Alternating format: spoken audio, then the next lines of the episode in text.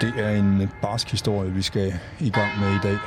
Øhm, det, man kan høre bag os, det er lyden af kirkeklokkerne i den lille italienske by Bergamo, som ligger i Norditalien mellem Verona og Milano. Det var her coronaen slog til for første gang, eller ramte Europa med fuld kraft for første gang i de her dage øh, for et år siden. Og Emil, du er dernede lige nu. Hvor står du henne? Jamen lige nu, der, øh, der sidder jeg faktisk, og det jeg kigger på, det kan ikke rigtig hamle op med det der dramatiske billede, vi har lavet med kirkeklokkerne, og det vi skal snakke om lige om lidt, fordi solen skinner, det foråret har ramt Lombardiet. Jeg sidder foran øh, Espresso her, og øh, det virker jo som om, at øh, Bergamo, byen, ånder. Folk er ude, men, men man skal ikke snakke ret længe med folk her, før man forstår, at øh, sårene de er stadigvæk dybe, og de er stadigvæk på ingen måde helet endnu. Øh, det er jo så ikke mere hyggeligt, end at den øh, reportage, du skriver til lørdagsavisen, den hedder Lyden af død. Nej, det lyder ret dramatisk. Ja, egentlig. Og det er jo ret dramatisk. Altså, det, det, det jeg har prøvet på at gøre hernede, Peter, det er jo at forstå, hvordan skal man sige det, hvordan det var. Altså, øh, prøve at, at sætte nogle tanker og følelser på de italienere, der har gennemlevet det her mareridt for et års tid siden, men det er, det er godt nok svært at begribe. Altså 5.000 mennesker døde i løbet af en måned. Det er dobbelt så mange, som der er døde i løbet af Danmark igennem hele corona-året.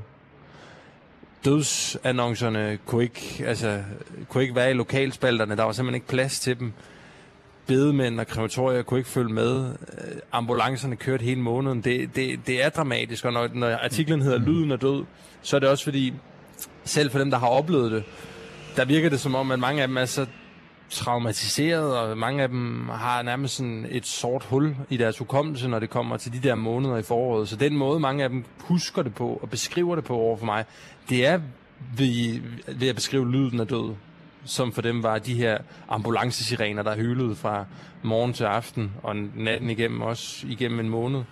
Og kirkeklokkerne, der ringede, når et nyt offer blev taget af pandemien. Indtil præsterne så beordrede, at det må de simpelthen stoppe med, fordi det var, det var, for, det var for meget.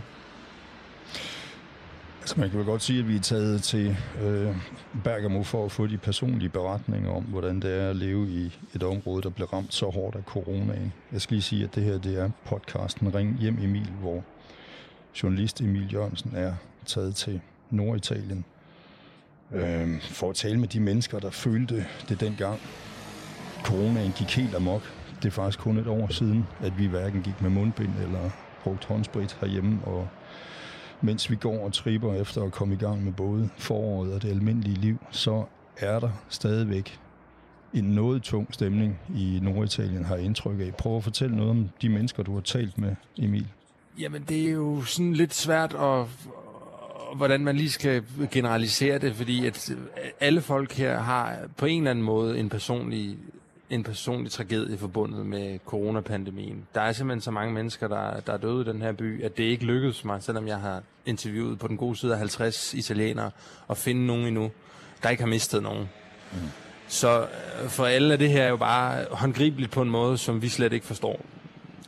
Det, der så øh, virker som et, en, en god måde at beskrive det på, synes jeg, det var, der var en italiener, der sagde til mig også, at det, det er lidt som, som gløder under asken. Forstået på den måde, at du, du ser det måske ikke lige, når de drøner rundt på deres vestbær, eller de sidder og drikker aperitivos, eller spiser øh, primo og segundo frokost på restauranterne, som jo sådan set er åbne igen nu, fordi at Italien er i sådan en gul, gul øh, zone i øjeblikket, hvor der er delvist åbent. Så du, på overfladen, der, der spotter du måske ikke alle de her traumer og alle de her øh, problemer, økonomisk desperation, øh, sorg, vrede, de går rundt med, men lige så snart du snakker med folk, altså de historier, de fortæller dig, det, der var en, der beskrev det for mig som, at det føles lidt som, som en film, vi har set. Altså som, som en film, man ikke har lyst til at se enden på, men som man er en eller anden, på en eller anden mærkelig fasong er havnet i, og stadigvæk er i, og øh, det er lidt den, sådan, det er nærmest som om det ikke rigtig er gået op for nogle af dem, jeg taler med, hvad der egentlig er, der er sket. Jeg, jeg har også snakket med folk, som ikke har været på kirkegården endnu for at se deres bedsteforældres grav eller øh, andre kæres grav, fordi de simpelthen ikke på en eller anden måde har, har accepteret det eller har, har anerkendt det endnu. Så det, det, det er øh, det er voldsomme følelser at, at bevæge sig rundt i. Også fordi, at italienerne er jo, hvis du kan forestille dig, hvor, altså det kan du ikke forestille dig, det ved du jo. Du ved jo, hvor trætte vi er af corona. Du ved jo, hvor trætte vi er af nedlukninger derhjemme. Mm. Det er de jo også her. Altså her er det jo ikke kun sorgen over dem, de har mistet. Det er jo lige så høj grad også sorgen over, at livet er gået i stå.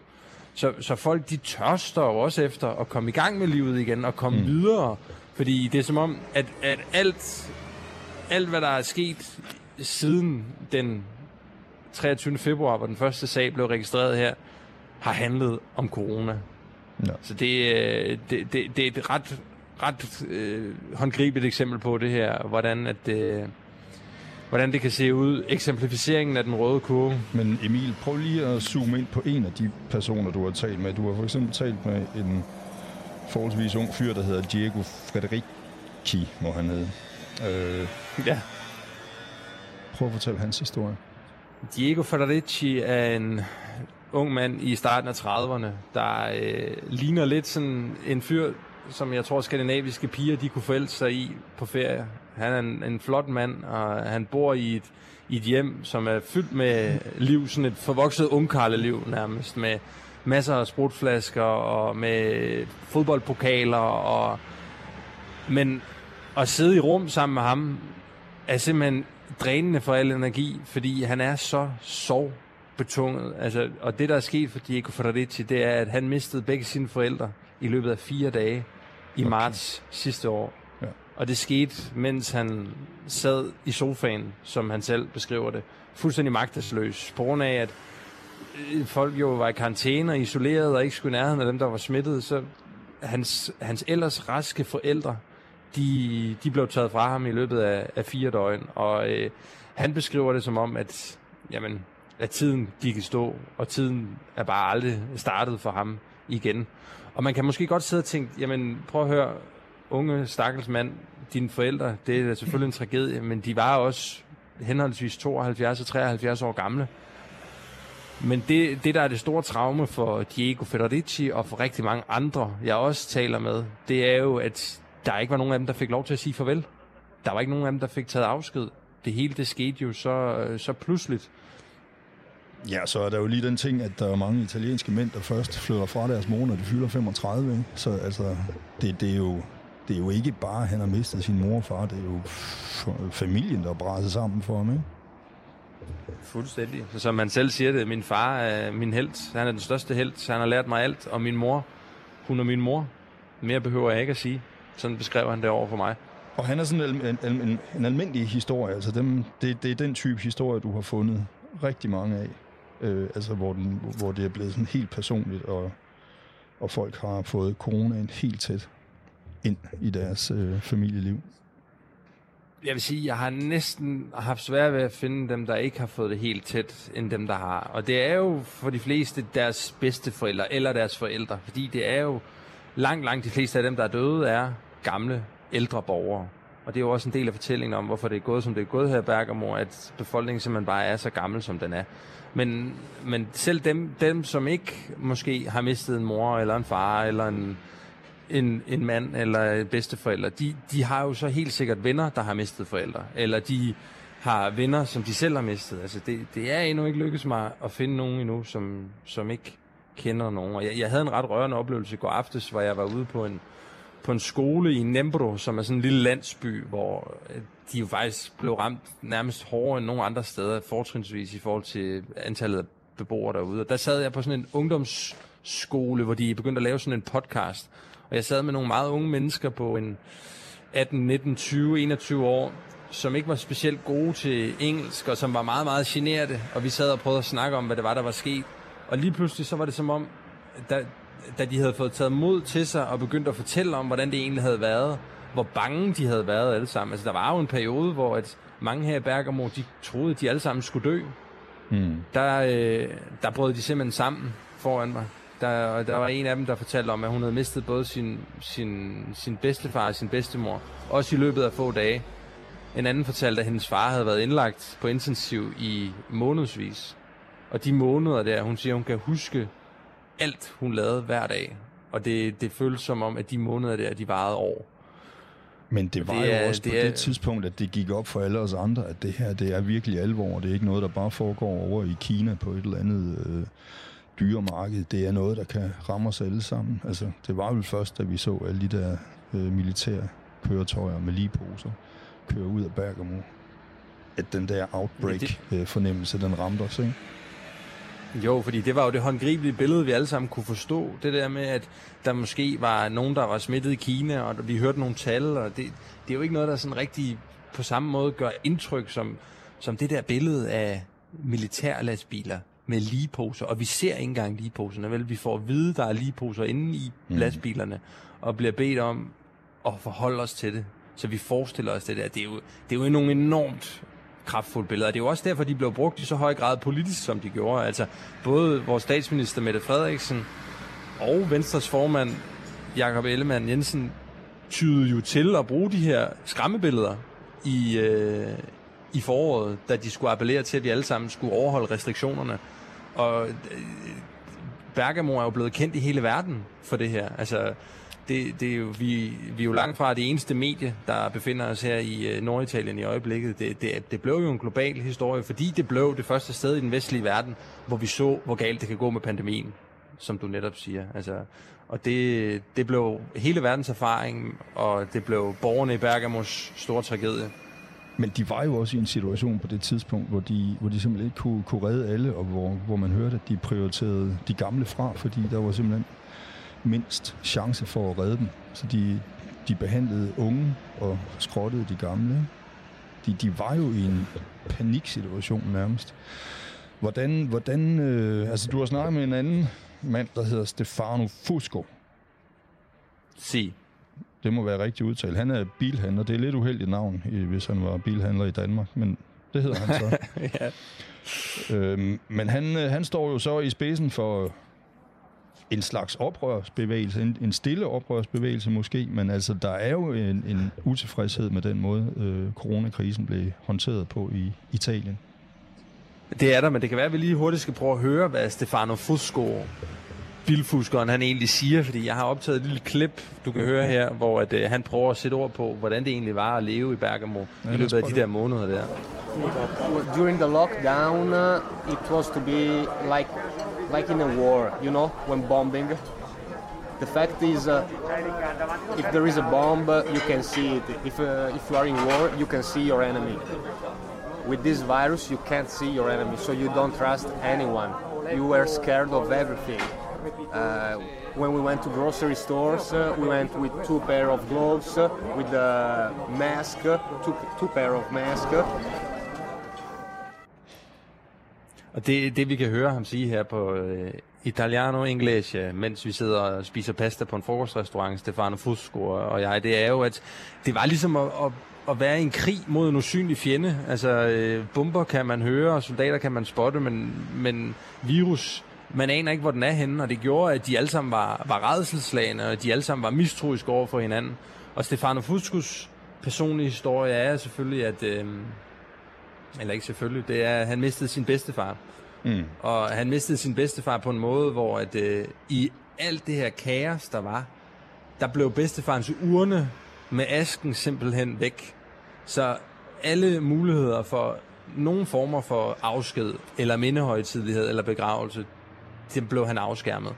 Og derfor besluttede Stefano Fusco og hans far sig for at oprette sådan en Facebook-side, ja. der hedder We Will Denounce, vi vil fordømme, som øh, i løbet af den første uge fik 14.000 medlemmer, og i dag har 70.000 medlemmer. Og det er simpelthen et samsurium af forskellige øh, billeder og statusopdateringer fra folk, der deler deres sorg og deler minderne om de folk, de har mistet her. Og det har, det har også udviklet sig til, som du selv siger, jamen en form for oprørsgruppe, hvor, hvor, hvor folk de har mobiliseret sig i i vrede over, og, og forundring over, hvorfor at Bergamo ikke blev lukket ned. Fordi det er det, som rigtig mange i den her by, de, de spørger hinanden, og de spørger regeringen om. Da man fandt ud af, at Condinho, som jeg også nævnte i vores seneste podcast, havde den første smitte, der lukkede man den by ned allerede den 23. februar. Mm. Bergamo, det væltede ind med sager i Bergamo. Alle akutmodtagelserne var fuldstændig proppet med folk, der havde åndedragsbesvær. Og alligevel så blev Bergamo ikke lukket ned før den 8. marts. Og de to uger, at Bergamo var åben, det har jeg snakket med førende biologer på øh, hospitaler i Milano, der har fortalt mig, at det har formentlig, formentlig betydet, at tusindvis flere er døde. Jamen, hvad er forklaringen? Fordi du skriver jo også i Reputation, som du har med her i lørdagsavisen, at, at der er 11 byer i Veneto-området. Det, det er der Amaronen kommer fra, for eksempel. De bliver lukket allerede den 22. februar, men Bergamo er blæsende åben indtil 8. marts, og, og det er jo rigtigt. Det er jo, det er jo i den periode, altså den store, øh, den store skandale sker. Men er der nogen forklaring? Der er en masse spekulation. Der er ikke nogen officiel forklaring. Der er en masse spekulation om, at Bergamo bare sådan rent kommercielt, handelsmæssigt er en, en langt vigtigere by for Norditalien, og derfor er langt sværere at lukke end nogle af de her små landsbyer i Veneto-området. Mm. Og øh, det, det, det, man så, jeg har snakket med, med forskellige folk her i byen, en frisør for eksempel, der fortalte, at hun simpelthen egenrådigt valgte at lukke sin butik to dage før, at nedlukningerne trådte i kraft. Simpelthen fordi, at alvoren var begyndt at, at sive ind for, for hende og mange i hendes omgangskreds, før at den tilsyneladende sive nok ind for den italienske regering til, at de til at de, de rykkede på det. Og et, et andet kritikpunkt er jo, at man så også har fundet ud af, at Italien ikke har haft nogen opdateret pandemistrategi siden år 2006. Så der er ligesom en lang række anklagepunkter, som, som øh, omkring 500 efterladte italienske familier så har samlet sig omkring, og så man har sagsøgt premierministeren, Lombardiets præsident og nogle sundhedsmyndigheder for 100 millioner euros. Mm. Så der er et grimt efterspil, der, der er et, der, og der kommer til at være et rigtig grimt efterspil også, fordi at ud over det her, så er der jo også alle de økonomiske desperationer og konsekvenser af den her nedlukning, som blander sig sammen med folks tab og traumer. Og øh, jeg, jeg, jeg, jeg snakkede med flere øh, forretningsdrivende i går også, der siger, at det her det kommer til at blive rigtig, rigtig grimt. Men altså 100.000 døde italienere, det er alligevel også, det, det, det ville være mærkeligt, hvis der ikke kom en eller anden øh, modreaktion på det her. En af de personer, som har stået midt i, hvad skal man sige, øh, den helt store sorg, det er præsten Mario Gamani, som du også har talt med. Hvad, øh, hvad er hans reaktion på, på de her ting? Mario Camani er nok den af de personer, jeg har talt med, der var tættest på at nå verdenspressen dengang, fordi at han jo var, altså, han var en helt central del af den her fortælling om, at krematorierne ikke kunne følge med, og kirkeklokkerne ringede, fordi det, det, det var jo hans, det var hans kirkeklokker, der ringede, og han oplevede i sin, i sin konkrete kirke, at der stod ligkisterne simpelthen legnet op på række ved siden af kirkebænkene, fordi der ikke var nogen andre steder at gøre af dem. Han var i kontakt med 475 familier i løbet af to måneder, som alle sammen havde mistet. Ja. Og han, øh, han beskriver også billedet af, eller det er jo så ikke et billede, han beskriver lyden, lyden af død, lyden af ambulancer, lyden af kirkeklokker. Og så øh, har han, som det også fremgår af artiklen Lørdagsavisen, han har jo også en kritik, fordi det, det som der i virkeligheden går præsten mest på, som han siger, det er ikke, at det er ikke pandemien, der er det værste. Det værste er, at vi ikke er blevet klogere, mener han. Mm. Og hvad, hvordan mener han det? Men det han mener, det er, at vi står nu i en situation, mindre end et år efter, at 5.000 familier i Bergamo har mistet livet, øhm, eller mistet deres kære. Og alligevel, så har vi en masse italienere, der har ondt af sig selv, fordi de ikke kan komme i teateret, som ikke kan komme på restaurant, kan ikke komme til fodboldkamp. De har stadigvæk et egoistisk fokuspunkt, mener han. Og hvis man ikke har tålmodighed og modhold nok til at, at, at stå det her ud så kort tid efter, at Bergamo har oplevet sådan en tragedie her, så har vi ikke lært noget, mener præsten. Så på den måde taler han jo også tale os hjemme i Danmark, der godt kunne tænke os, at de der caféer snart åbnede, så man kunne sidde ude i forsolen med en kop kaffe. Det gør han, og man må sige, at præsten tager jo så måske ikke højde for, hvis jeg lige skal komme nogen i forkøbet, at der jo også er nogle, nogle økonomiske konsekvenser af det her nedlukning, som går folk rigtig meget på. Men, men det er klart, det er jo bare noget andet her også, Peter, fordi der findes jo også i Bergamo, jeg har også været ude og snakke med nogen, som det fremgår af artiklen, der findes jo også folk, som simpelthen ikke tror på, at corona eksisterer her. Der findes folk, som, som, som mener, at det er en slem influenza. Mm. Og, og det, er jo, det er jo helt ubegribeligt, både for, for mig og for, for præsten og for nogle af de andre kilder, som jeg taler med, der har mistet deres forældre og bedsteforældre, at man har boet i en by, hvor man i en måned ikke har hørt på andet end ambulancer. Og at man så alligevel har den holdning. Emil, øh, vi er, vi er klar med lørdagsavisen, så vidt jeg kan se. Øh, hvad skal du bruge resten af tiden på dernede? Men jeg har jo faktisk igen snydt lidt, øh, som var det sådan et medlemsprogram på tv, og har fået lavet det meste af det, jeg skal. I hvert fald interviews og besøg. Så jeg skal skrive nu. Jeg skal skrive artiklerne til søndags- og mandagsavisen, og øh, søndag, der, øh, der bliver det ikke mindre dramatisk, fordi der, øh, der kommer der en reportage fra Bergamo Hospital, hmm. fra, øh, fra epicentret, simpelthen, der hvor det, hvor det foregik, hvor jeg har snakket med sygeplejersker og læger, der fortæller om, hvordan at de vidderligt var nødt til at, at vurdere hver enkelt patient ud fra alder, ud fra tilstand, om han skulle have en chance på La Machina, eller om, om det var bedre at give respiratoren til, til en anden, simpelthen fordi der ikke var senge nok, der var ikke udstyr nok, der var ikke hænder nok, de var fuldstændig løbet over ende. Og øh, det, der gør situationen endnu mere tragisk, det er jo, at Bergamo er ikke et særligt stort sted. No. Så det vil sige, dem, der arbejder inde på hospitalet her, de kender jo dem, der kommer ind. Altså, de fortalte, vi ved jo alle sammen godt, hvem de er, dem, der kommer ind. Nogle tættere på end andre, men, men, men, men for eksempel var der en sygeplejerske, hvis, hvis mand kom ind, og han blev flyttet til et andet hospital, fordi der ikke var plads, oh. hvor han så desværre døde på det hospital, mens okay. hun stod i en måned uafbrudt og skulle behandle andre coronapatienter. Så det er nogle barske historier derinde fra også, men jeg tror, det er vigtigt at, at få dem at vide. Jeg tror, det er vigtigt at prøve at forstå, hvad der er, der er sket her, fordi at det er, øh, det er et stykke global verdenshistorie, vi alle sammen er nødt til at forholde os til. Jeg læste, der var en overdødelighed på 571 procent i den periode, som øh, du snakker om der. Ja, det er, det, øh, det er jo helt vilde tal. Altså helt vilde tal i forhold til, til, til Danmark. Øhm, men du har en historie mere i ærmet, ikke? Jo, og det er, det er den, vi slutter med mandag, som bliver en historie om Italiens pris. Hvad bliver Italiens hvad bliver prisen for Italien for det her? Ikke kun økonomisk, men i høj grad også psykologisk, traumæssigt. Jeg har snakket med en, øh, med en psykolog, der har behandlet børn i Syrien for posttraumatisk stresssyndrom, som siden marts ikke har lavet andet end at behandle folk i Nembro her i Bergamo provins for, for deres corona posttraumatisk stresssyndrom.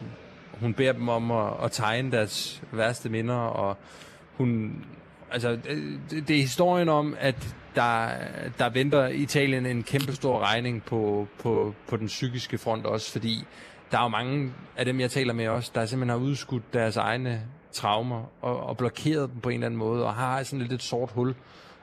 Og, og det har blandt andet betydet, viser nogle nye undersøgelser, at helt op mod en tredjedel har, øh, af dem, der er blevet undersøgt i sådan nogle store undersøgelser, har tegn på posttraumatisk stresssyndrom, mm. har tegn på, at de ikke sover godt om natten, er stresset, og det, det, det, det kommer til at have nogle langstrakte konsekvenser for Italien, det her, både, både økonomisk, men i høj grad også psykisk, og det er det, det, er det mandagsartiklen skal handle om. Men du kommer også hjem med en historie om fodbold, ikke? Jo, og den når jeg nok ikke at skrive her i Italien, men jeg har den på bloggen, og det synes jeg måske i virkeligheden er den mest varme øh, konstru- ikke konstruktiv måske ikke, men positiv historie i alt det her. Det er historien om Atalanta, den lokale fodboldstolthed, og det er den, deres, deres skæbne er simpelthen vævet ind i coronahistorien her i byen, og det handler jo om, som jeg også nævnte i vores seneste podcast, at Atalanta de spillede den her skæbnesvanger kamp mod Valencia ja. den 19. februar 2020, få dage før at pandemien brød ud i byen. Det var den største kamp i klubbens historie. 44.000 tilskuere var draget sammen i busser og biler og øh, tog til Milano på San Siro, hvor kampen blev spillet. Og de vandt 4-1, så det vil sige, at de faldt hinanden om halsen mindst fire gange. Det var en fantastisk oplevelse, fortæller alle de folk, jeg har snakket med dem om det. Men det var også set fra et pandemiperspektiv en biologisk bombe, ja. der har været en medvirkende faktor til, at så mange blev smittet. Og det, det har både læger og øh, andre former for eksperter påpeget bagefter, det er også en del af forklaringen på, hvorfor Bergamo blev så hårdt ramt. Men igennem hele den her dystre, mørke tid, der er Atalanta blevet ved med at levere resultater på fodboldbanen. Atalanta er forblødet sådan de lokale stolthed her, og i onsdags, der spillede de så præcis et år cirka efter kampen mod Valencia, på ny deres største kamp i klubbens historie. Det var mod Real Madrid, den største klub i Spanien, på hjemmebane. Og tribunerne var selvfølgelig tomme, men tusindvis af folk havde stemt sammen ude foran stadion med romerlys og megafoner og alt muligt andet fyrværkeri for at støtte deres helte. Og jeg interviewede en del af dem der, og det var nogle, det var, nogle, det var nogle fantastiske historier at høre folk. Jeg snakkede blandt andet med en halvstiv italiener ved navn Giorgio, som fortalte, at øh, han, han interesserede sig overhovedet ikke for fodbold. Han, det, det ravede ham simpelthen en høstblomst. Han havde aldrig nogensinde gået op i det. Men han, det er meget, meget mærkeligt, sagde han. Her det sidste års tid, der havde Atlanta bare øh, kommet til at betyde nærmest alt for ham. Okay. Fordi det var det eneste tegn, de havde her i byen på, at noget stadigvæk var rigtigt. At noget stadigvæk var godt. Og en anden, jeg talte med, han beskrev det også sådan, at Bergamo er blevet kendt for covid-19.